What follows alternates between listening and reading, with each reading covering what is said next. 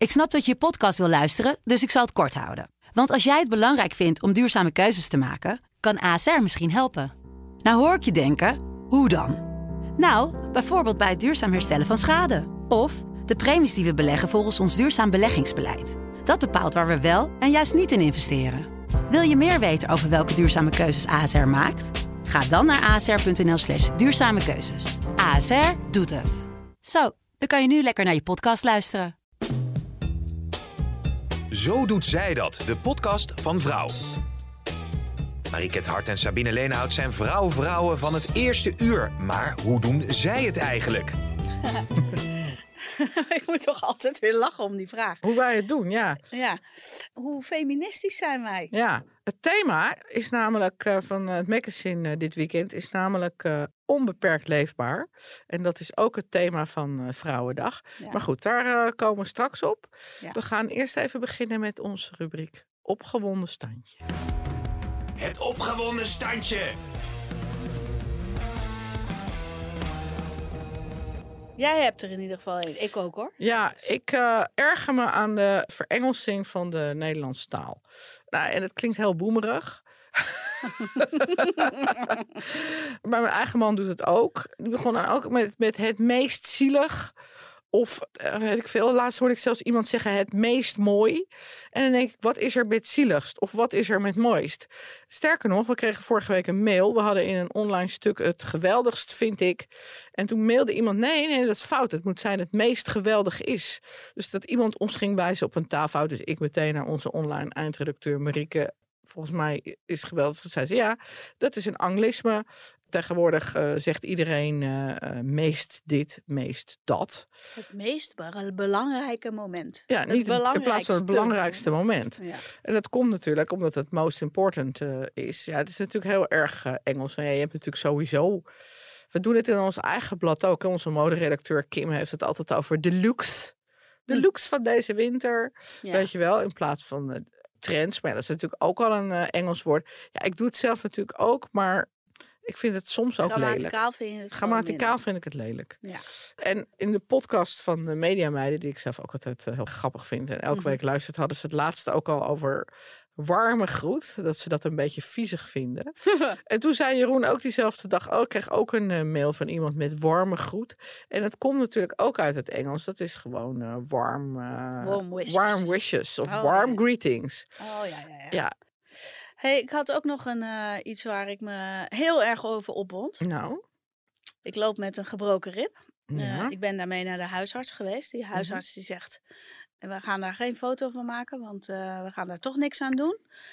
Uh, nou is dat diezelfde huisarts die vindt dat je de gemeenschap belast met uh, doorverwijzingen naar specialisten. Mm -hmm. Nou ja, omdat zij zei, we kunnen er toch niks aan doen. Dus het enige wat je dan weet is dat het gebroken is. En ze heeft overal naar geluisterd en, en gezegd, ja, je, het prikt niet in je longen. En, dus het gaat goed. Maar nu, twee, drie weken na dato, word ik nog iedere ochtend wakker. Echt met zo'n pijn in mijn bast. Echt niet te filmen. Dus ik heb haar weer gebeld van de week. En kreeg de assistente, daar kwam ik al niet doorheen. Die ging het overleggen met de arts of ik uh, alsnog een verwijzing kon krijgen naar het ziekenhuis. En toen kreeg ik het dus niet voor mekaar. En ik liet het er ook bij. En daar heb ik zo'n scheidhekel aan mezelf dat ik het daarbij liet, maar ook dat zij dat niet doet. Ik vind nou, het zo irritant. Dat is natuurlijk het protocol vanuit de zorgverzekeraars. Ja. Want die vinden dat de kosten voor de gezondheidszorg de pan uitreizen. Ja. En die zeggen dat de huisarts is een poortwachter. Ja, precies. En die mag dus niet zomaar doorverwijzen. Ik vind die assistent vind ik ook mega irritant. Ik ook. Dan bel je op en dan zeg ik, um, nou, ik wil graag een afspraak maken. Wat is er aan de hand? Weet je wel, alsof zij uh, kan beoordelen of ik wel of niet, ik bel niet voor niks. Nee. Of ik wel of niet de huisarts uh, wil zien. Nee, Gelukkig kan ik tegenwoordig ook via een app een afspraak maken met de huisarts. Dus dan kan ik die uh, stomme assistenten omzeilen. omzeilen. Ja, assist, nee, ik heb, stomme is niet aardig van mij. Het zijn hele aardige assistenten, echt waar, van mijn huisarts. en, maar dat ik wel zoiets heb van ja. Vanaf nu kom je er helemaal ja, nooit meer door. Maar, kom ik er nooit meer door. Maar dat ik wel denk van ja, joh, ik bel niet zomaar. maar Precies. inderdaad, door doorverwijzen naar een specialist. Dat is in Nederland echt een, uh, een heel moeilijk iets. Maar ook medicijnen krijgen hoor. Ik weet echt dat, uh, dat Jeroen die had vorig jaar een voorhoofdholteontsteking. Mm Die zat dus gewoon ongeveer twee weken thuis, terwijl hij een hele drukke baan heeft. En die had zoiets van, mag ik alsjeblieft een antibioticumkuur? Nou, dan moest dus twee weken wachten. Toen was het ook meteen binnen 48 uur over. Ja. Ja, wat dat betreft heb ik dan weer geluk, hè? Want de tandarts mag ook antibiotica uitschrijven. ik snap ook dat je niet voor ieder wisselwasje antibiotica moet geven. Maar dan kan je ook zien dat hij dat echt bijna nooit krijgt. Nee. Oh, ik zat me gewoon dood te erg en ik heb pijn. Dus ik ben gewoon in een beetje zeikerige moed. Nou, dat kan ik me voorstellen. Zullen we naar het thema gaan? Yes. Thema Vrouwendag, Vrouwendag onbeperkt uh, leefbaar. Nou, daar kan ik me ook goed over opwinden ja. overigens. Ja, nou, ik vind het wel een mooi thema inderdaad. Uh, onbeperkt leefbaar. Want nou ja, zij zeggen dus van ja jongens, de wereld wordt eigenlijk steeds onleefbaarder voor vrouwen. Veel vrouwen en meisjes kunnen niet uh, s'avonds in bepaalde buurten over straat of uitgaan zonder lastiggevallen te worden. Wat natuurlijk ook zo is. Mm -hmm. Daarnaast, over de dokter gesproken, is het zo dat vrouwen met uh, bepaalde klachten minder serieus worden genomen door artsen. Bijvoorbeeld dat vrouwen met pijn op de borst of kortademig eerder wordt gedacht dat ze last zullen hebben van hyperventilatie. Hysterie. Hart- en vaatziekten zijn doodsoorzaak nummer één bij vrouwen. Dus mannen worden met vergelijkbare klachten veel eerder doorverwezen voor een hartfilmpje. Ja joh, er wordt meer geld gepompt in uh, pillen voor erectiestoornissen dan, uh, dan dat er aan onderzoek naar vrouwenkwalen gedaan wordt. Hè? Als een man toch overgangsklachten zou hebben, I tell you, dan was er nu al lang en breed iets op de markt wat dat meteen zou verhelpen. Ja, nou, bij vrouwen kunnen soms wel 15 jaar in de overgang zijn. Hè? En ik bedoel ook steeds meer bekende vrouwen. Neem uh, Bridget Maasland nu uh, kort geleden. Mm -hmm. Caroline Tense en uh, Alleen van Rooyen. Ook bekende vrouwen durven zich ervoor uit te spreken. Van ja, ik heb echt, ik zou hoes natuurlijk veel last van de overgang. Mm -hmm. En het beïnvloedt mijn leven en het beïnvloedt mijn leven negatief. En dat ja. kan en inderdaad wel 15 jaar duren. Maar ook daarvoor geldt dat als je uh, hormonen wil, uh, wil slikken, wat in heel veel andere, zoals Femoston of zo, wat in andere landen heel normaal is, moet je bij sommige huisartsen echt uh, ongeveer huilen en smeken voordat je het voor elkaar krijgt. Ja, precies. En ja, daarnaast hebben we over ook nog een hele erg is natuurlijk femicide. Dat er in Nederland elke acht dagen een vrouw wordt vermoord door een man.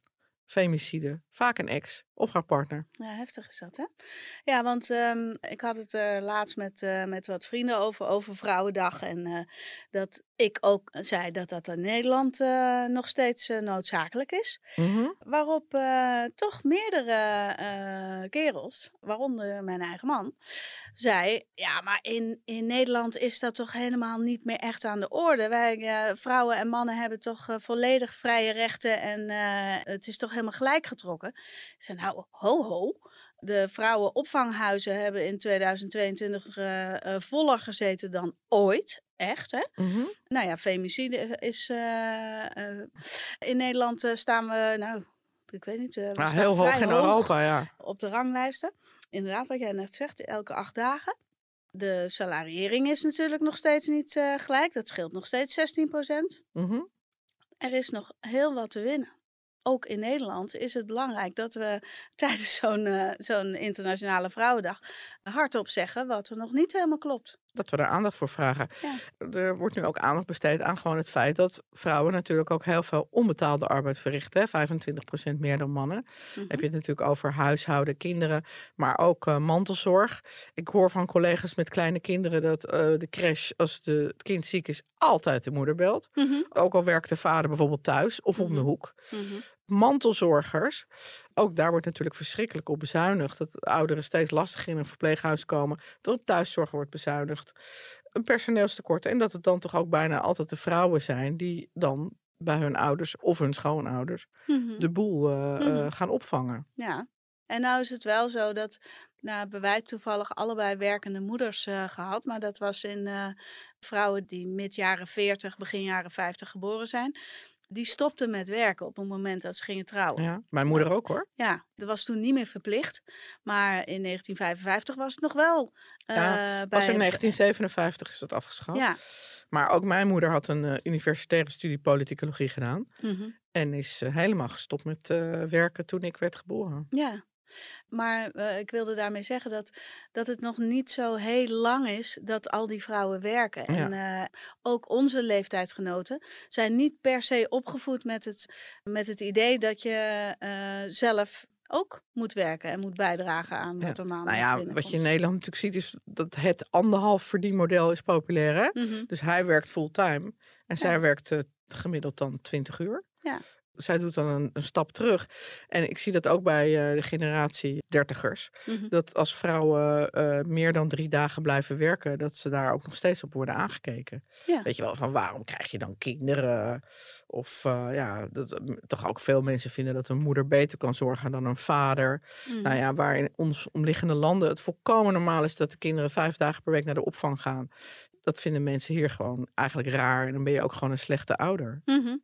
Ja, maar daar zit dus wel nog heel veel ruimte voor veranderingen en verbeteringen ook. Maar dat staat dus wel die hele gelijke behandeling in de weg. Ja, dat is ja. ook zo. Dat maakt het gewoon af en toe heel moeilijk. Wij willen natuurlijk nooit grachtengordelig uh, overkomen. Maar ik zie uh, dat, dat in, het, in het dorp, uh, het Brabantse dorp waar ik vandaan kom, dat daar toch veel klasgenoten uiteindelijk weinig tot niet zijn gaan werken. Ja? Ongelooflijk. Ja. Ik ken toch eigenlijk heel weinig vrouwen binnen mijn eigen vrienden, kennissenkring, die helemaal niet werken. Nee.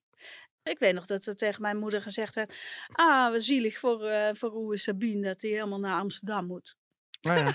maar, okay. toch maar mijn eigen dochter, die, die kreeg van de meester een HAVO-advies. Mm.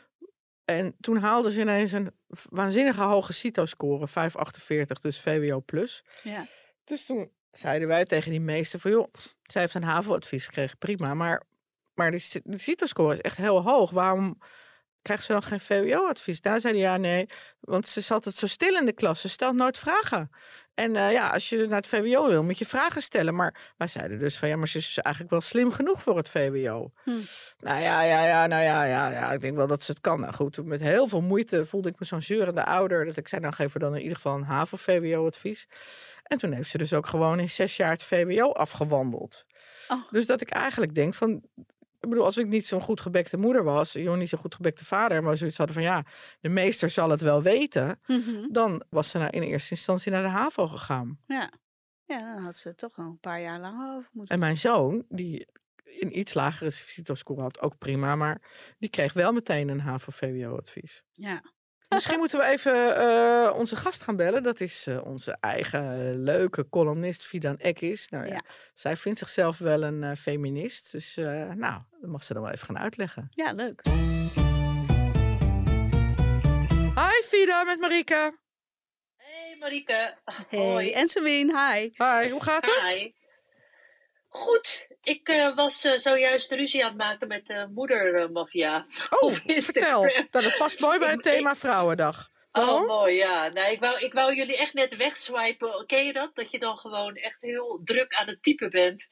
Ehm, en, en, en eigenlijk een discussie wil winnen. Maar ik heb het toch maar even snel opgenomen. Hey, en Maar waar ging, waar ging de discussie over? Het ging over eh, mijn column, laatste column zelfs, in eh, nou ja, Vrouw Magazine over thuisbevallingen. En eh, nou ja, pijnbestrijding, die vind ik standaard aangeboden zou moeten worden. Mhm. En ik ben voor het afschaffen van eh, het liefst van de thuisbevalling. En heel veel vrouwen zijn er heel erg boos over. Maar echt, echt heel boos over. En nou weet ik wel. Nou ja, goed, misschien is het een beetje neerbuigend als ik de moedermafia noem. Maar ik krijg wel heel veel reacties van vriendinnen die het allemaal zien, voorbij zien komen. Die dan zeggen: Dit is nou wat wij bedoelen met de moedermafia. Maar ik ben Mhm. iemand die er dan in principe als ze niet gaan schreeuwen en schelden eh, en ehm, de discussie niet echt met je aan wil gaan, dan ben ik best wel bereid om gewoon ook te reageren. Dat probeer ik ook. Maar eh, sommigen reageren vrij rustig en zijn wel bereid om te praten. Maar de meesten zijn echt, nou ja, gewoon echt eh, woest. En waar zijn ze dan zo boos over? Nou ja, ja, nou, dat is dus een hele goede vraag. Kijk, het is een column. Ik heb een mening. Ehm, die is ook gebaseerd op wat ik weet uit mijn omgeving en wat ik weet uit eigen ervaring. Ik bedoel, ik ben zelf moeder. Daarvan kan je zeggen, ja, Fidan, we zijn het niet met je eens.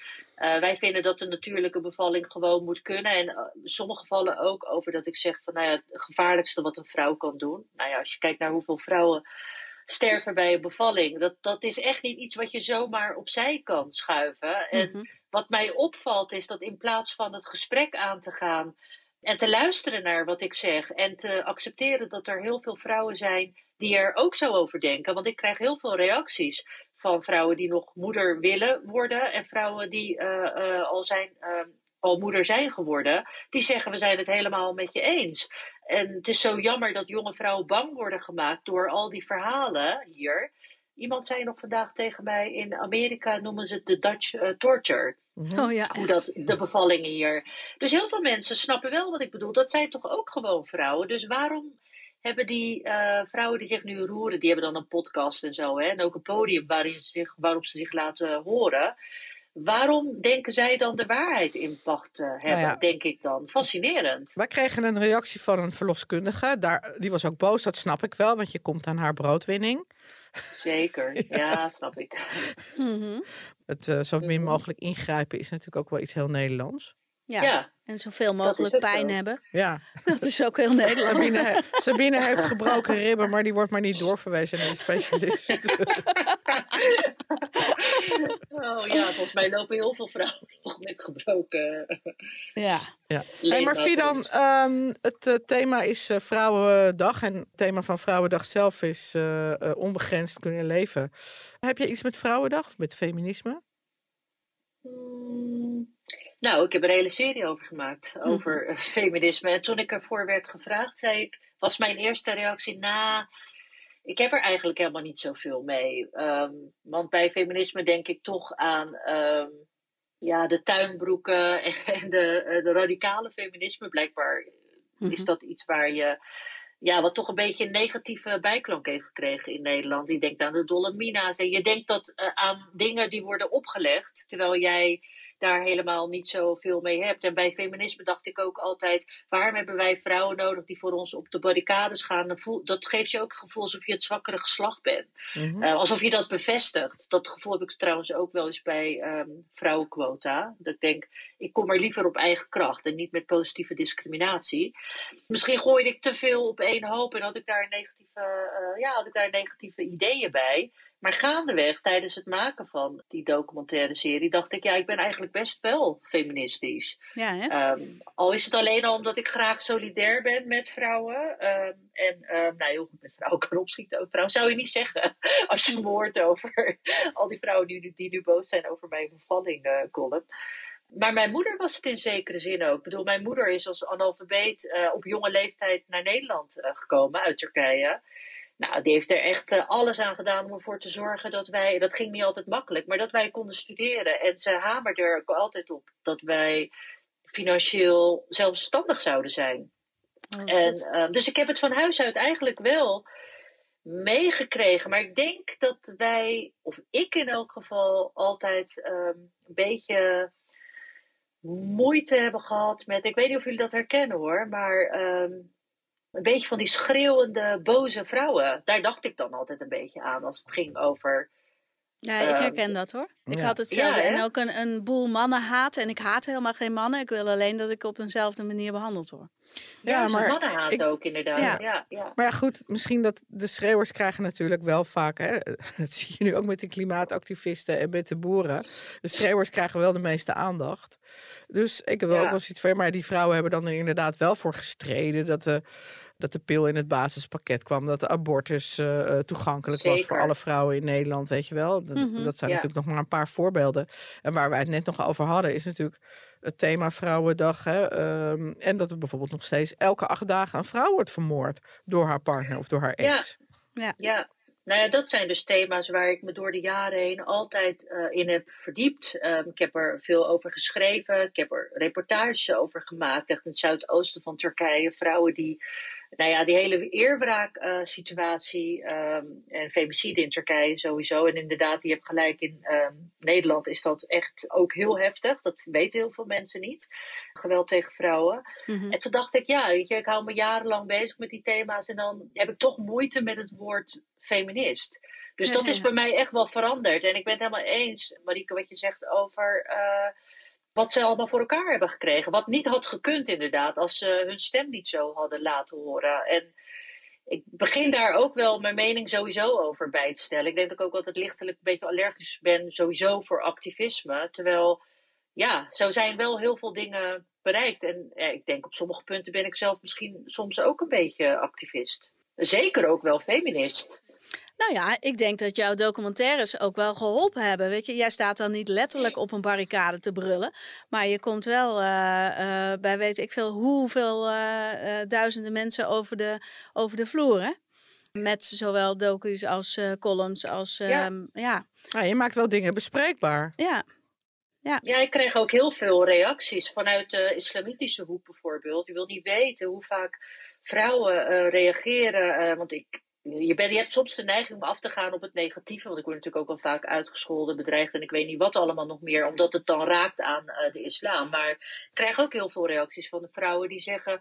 Mijn vader die uh, vindt jou goed en, en hij luistert naar wat je zegt. Hmm. En ik wil meer vrijheid. Dus het is heel belangrijk dat je uh, ja, je uitspreekt over meer vrijheid voor vrouwen in deze gemeenschap, jonge vrouwen. Ja. En dat helpt mij heel erg. Dus ja, ik denk wel dat, dat, ik, dat je zonder dat je het door hebt in zekere zin daar een bepaalde uh, voortrekkersrol in hebt. En ik denk vooral op het gebied van emancipatie. Dat is dan al wat breder dan alleen de vrouwenzaak. Maar gewoon emancipatie überhaupt. Dat is wel iets waar ik, uh, wat ik belangrijk vind. Ja. Ik ben nu het boek uh, Vrouw en Vrijheid van eh, Jolande Withuis aan het lezen. Heb je dat gelezen? Nee, nog niet. Nou ja, daarin schrijft zij bijvoorbeeld ook, en dat vond ik nog best wel controversieel. Ze zegt, ja, ik heb het uh, ook wel opgenomen voor uh, Ayaan Hirsi Ali. Ze zegt, uh, ik heb soms wel moeite met de hoofddoek, omdat het natuurlijk een enorm onderscheid geeft tussen mannen en vrouwen. Hè. Vrouwen moeten zich bedekken, terwijl mannen dan gewoon ook in, gewoon in een t-shirt en korte broek mogen rondlopen. Hoe kijk jij daar tegenaan?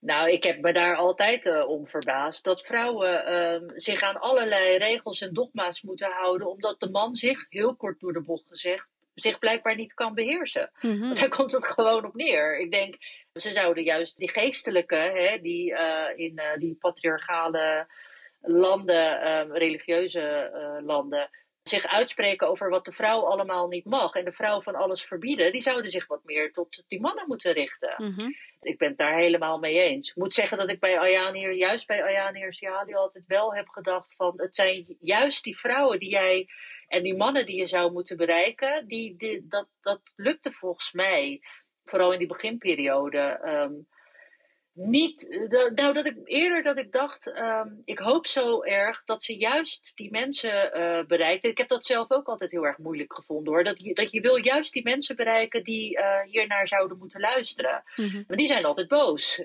en die ja. willen niks van je, met je te maken hebben. En die boycotten je het liefst. Ik had dat bij de Nieuwe Maan toen ik dat programma presenteerde. Nou, vond ik toen een, ja, een rol waarin ik iets kon bijdragen aan die emancipatie.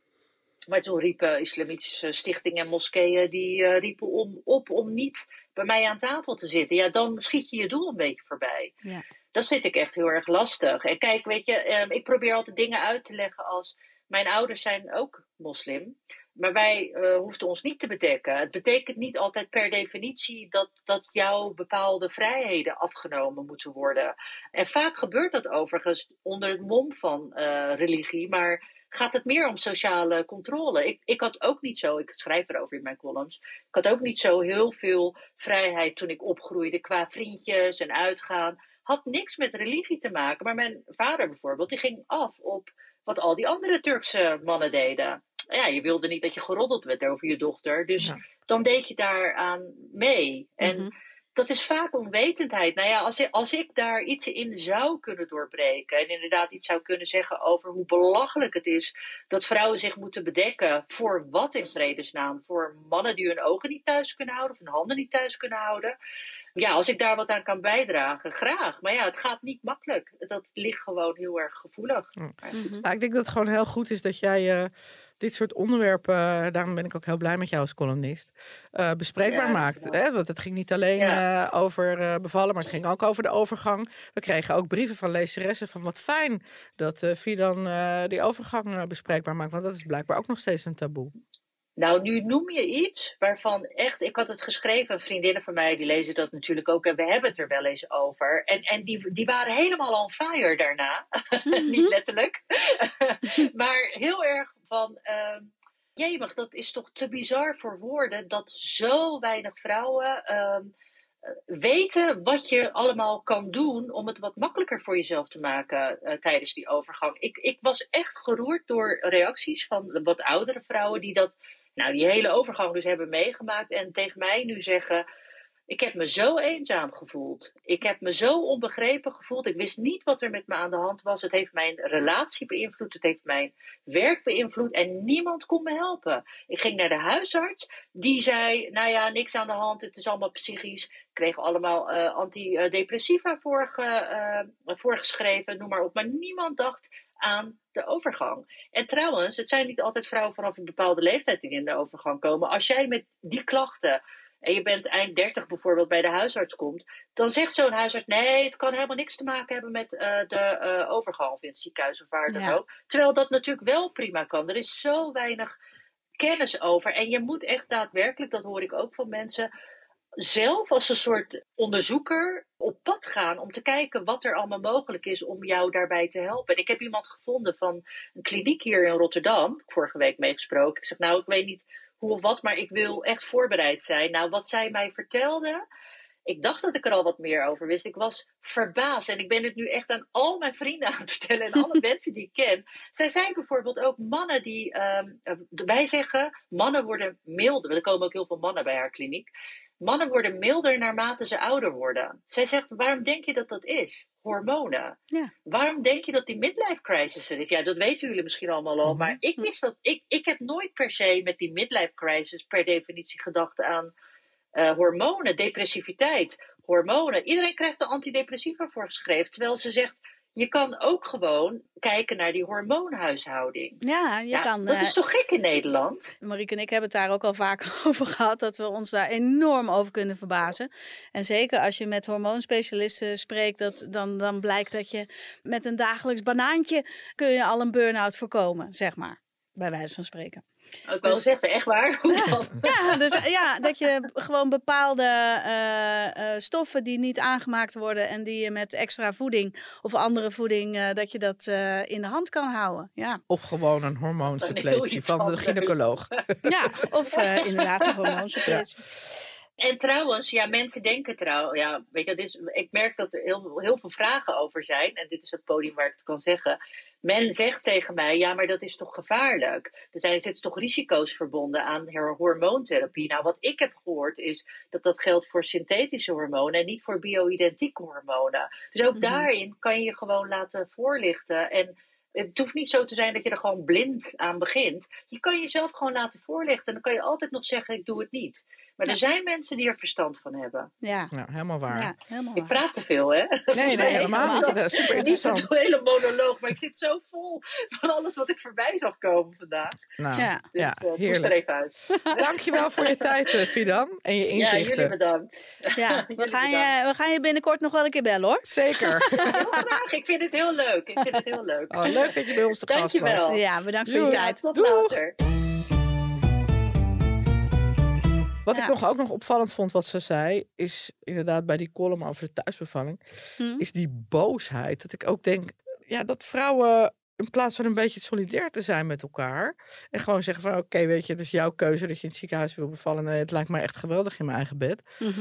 Het gewoon luisteren niet naar elkaar, worden alleen maar boos. We hebben het ook wel eens over gehad, die welbekende krabbelmand. Dat als er één uitklimt, dat de, dat de rest het terugtrekt. Mhm. En dat je denkt van joh, ik maak me eigenlijk zorgen over die eh, ongewoon hoge babysterfte in eh, Nederland. Zou dat misschien met de thuisbevalling te maken hebben? Weet ik niet. Maar het idee dat je dat suggereert, daar worden mensen al kwaad over. Überhaupt. Ja, maar dat zit ook, eh, heb ik het idee, weer in opvoeding. Dat, dat een heleboel moeders, die zullen jou vertellen dat het heel normaal is dat je zonder pijnbestrijding thuis bevalt. Dat, dat is mij ook een soort van...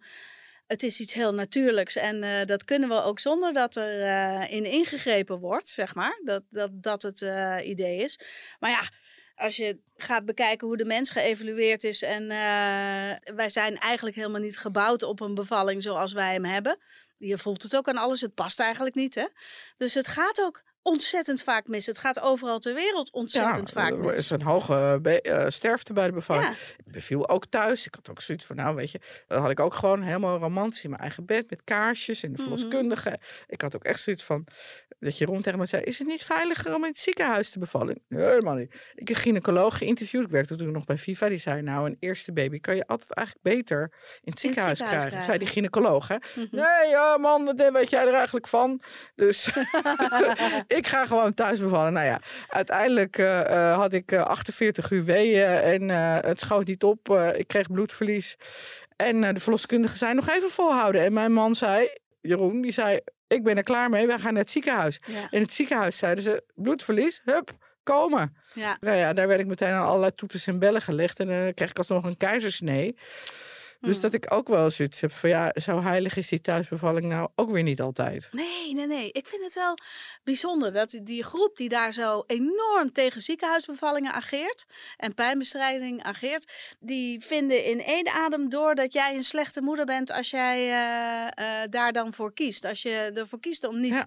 thuis helemaal eh, uit elkaar gespeeld Nou ja, ik weet nog wel dat ik ging Beatrice Smulders interviewen natuurlijk, hè, de, Dat bekendste verloskundige. Ja, mijne ook. Oeh, En die zei ja, dat eh, de hechting dan met je kindje beter was als je geen pijn bij de bevalling had gehad. Als je daar niet flink voor had moeten lijden. nou ja, Dus ik had natuurlijk een keizersnee, dus ik voelde me nog een beetje uiteindelijk. ja. Dus ik voelde me nog een beetje schuldig ook.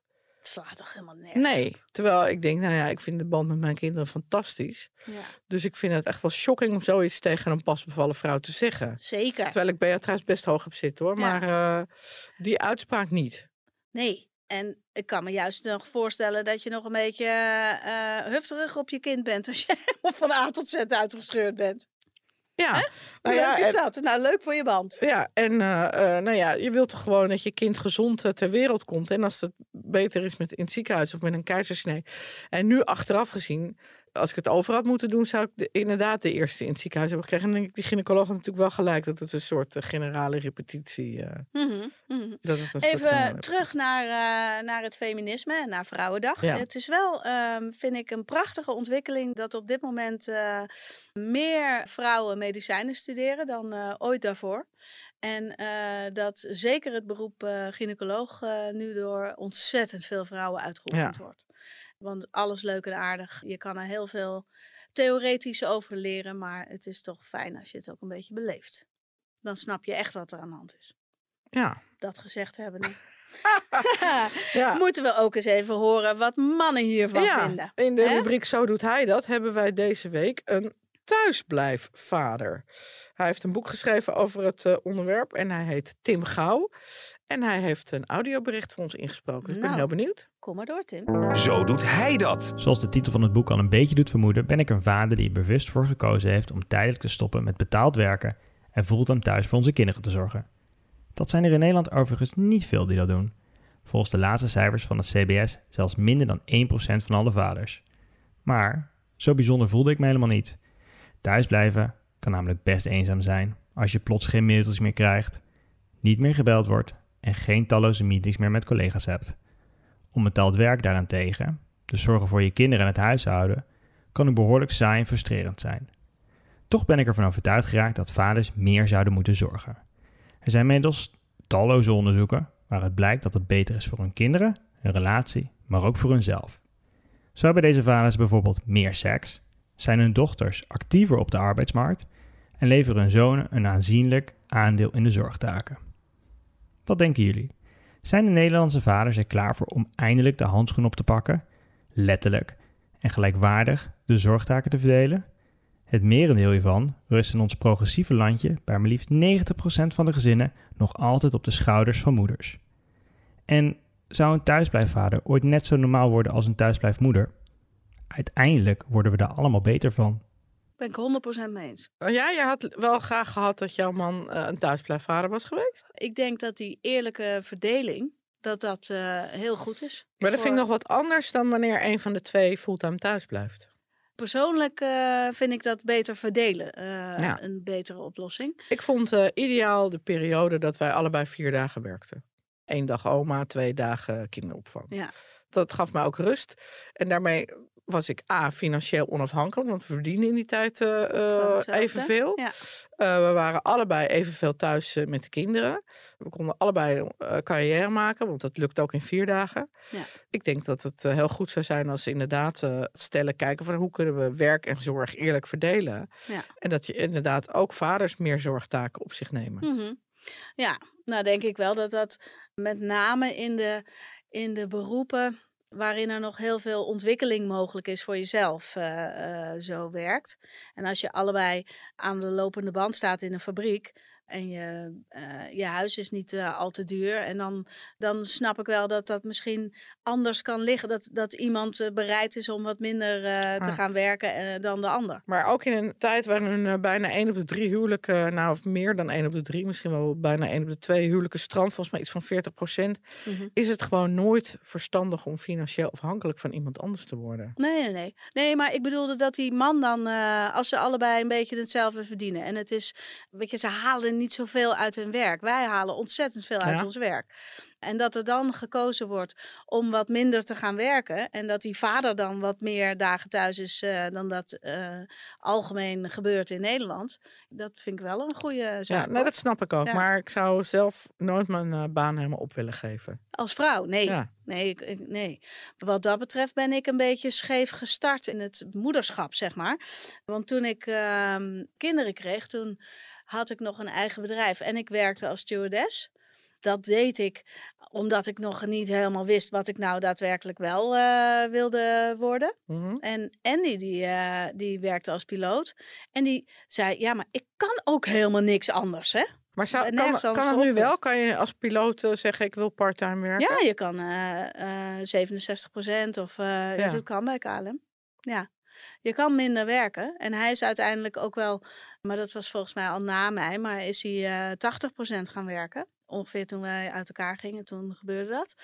En toen ben ik eh, ook weer eh, vier dagen sowieso gaan werken.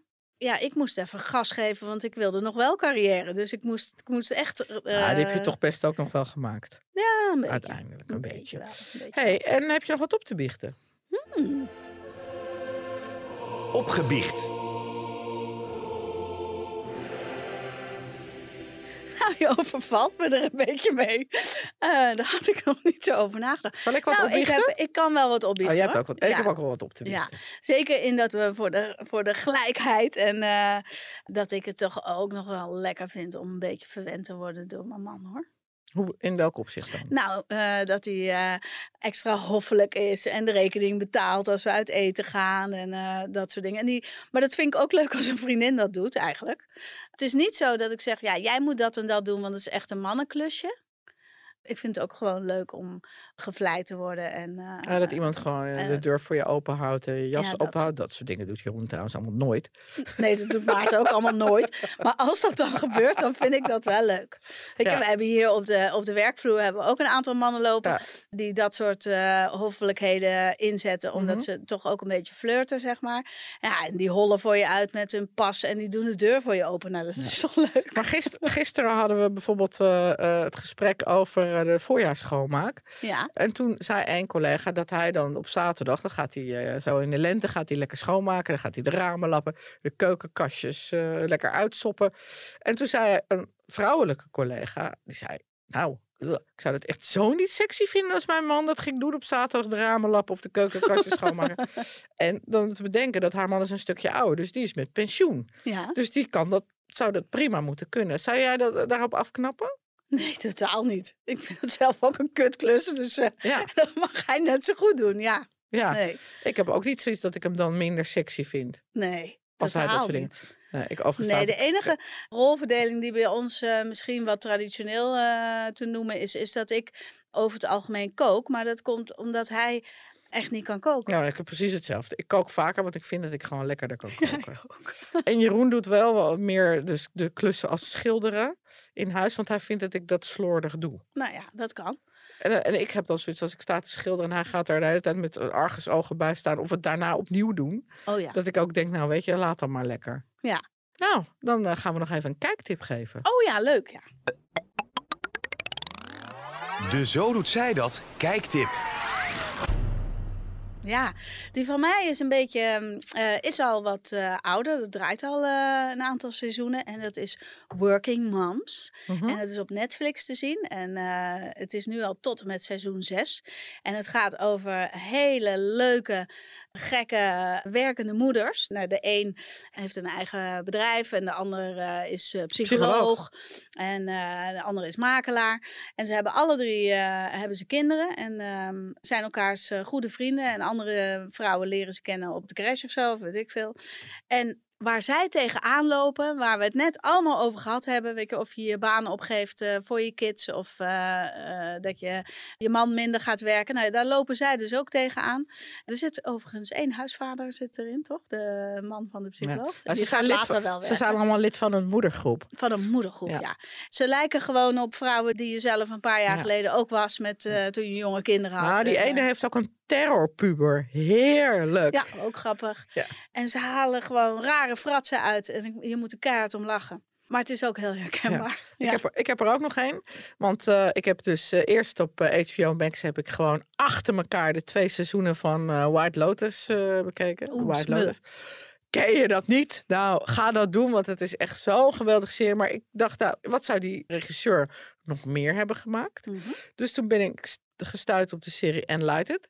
Ik heb nog maar één aflevering gezien, dus ik kan er eigenlijk weinig over zeggen. De serie is ook een jaar of tien oud. En het gaat over Laura Dern. En die is op haar werk en daar blijkt ze een verhouding te hebben gehad met haar baas. En dat komt uit. En wie wordt er ontslagen? Niet die baas natuurlijk, maar zij. Aha. En zij gaat uh, haar leven uh, uh, opnieuw weer oppakken en loopt tegen allerlei dingen aan. Nou, ik vond de eerste aflevering al smullen. leuk, leuk. Ja, en van mijn serie, daar las ik net dat dit voorjaar, nou ja, dat begint bijna het voorjaar, seizoen 7 op Netflix komt. Nou, heerlijk. Dus- Ik kijk er naar uit. Ja. Nou, dank voor het luisteren. Tot de volgende keer. En uh, vergeet ons niet een uh, paar sterren te geven in je favoriete podcast app. En we zijn te vinden op Instagram onder het kopje Zo doet zij dat. Doeg! Doeg, doeg!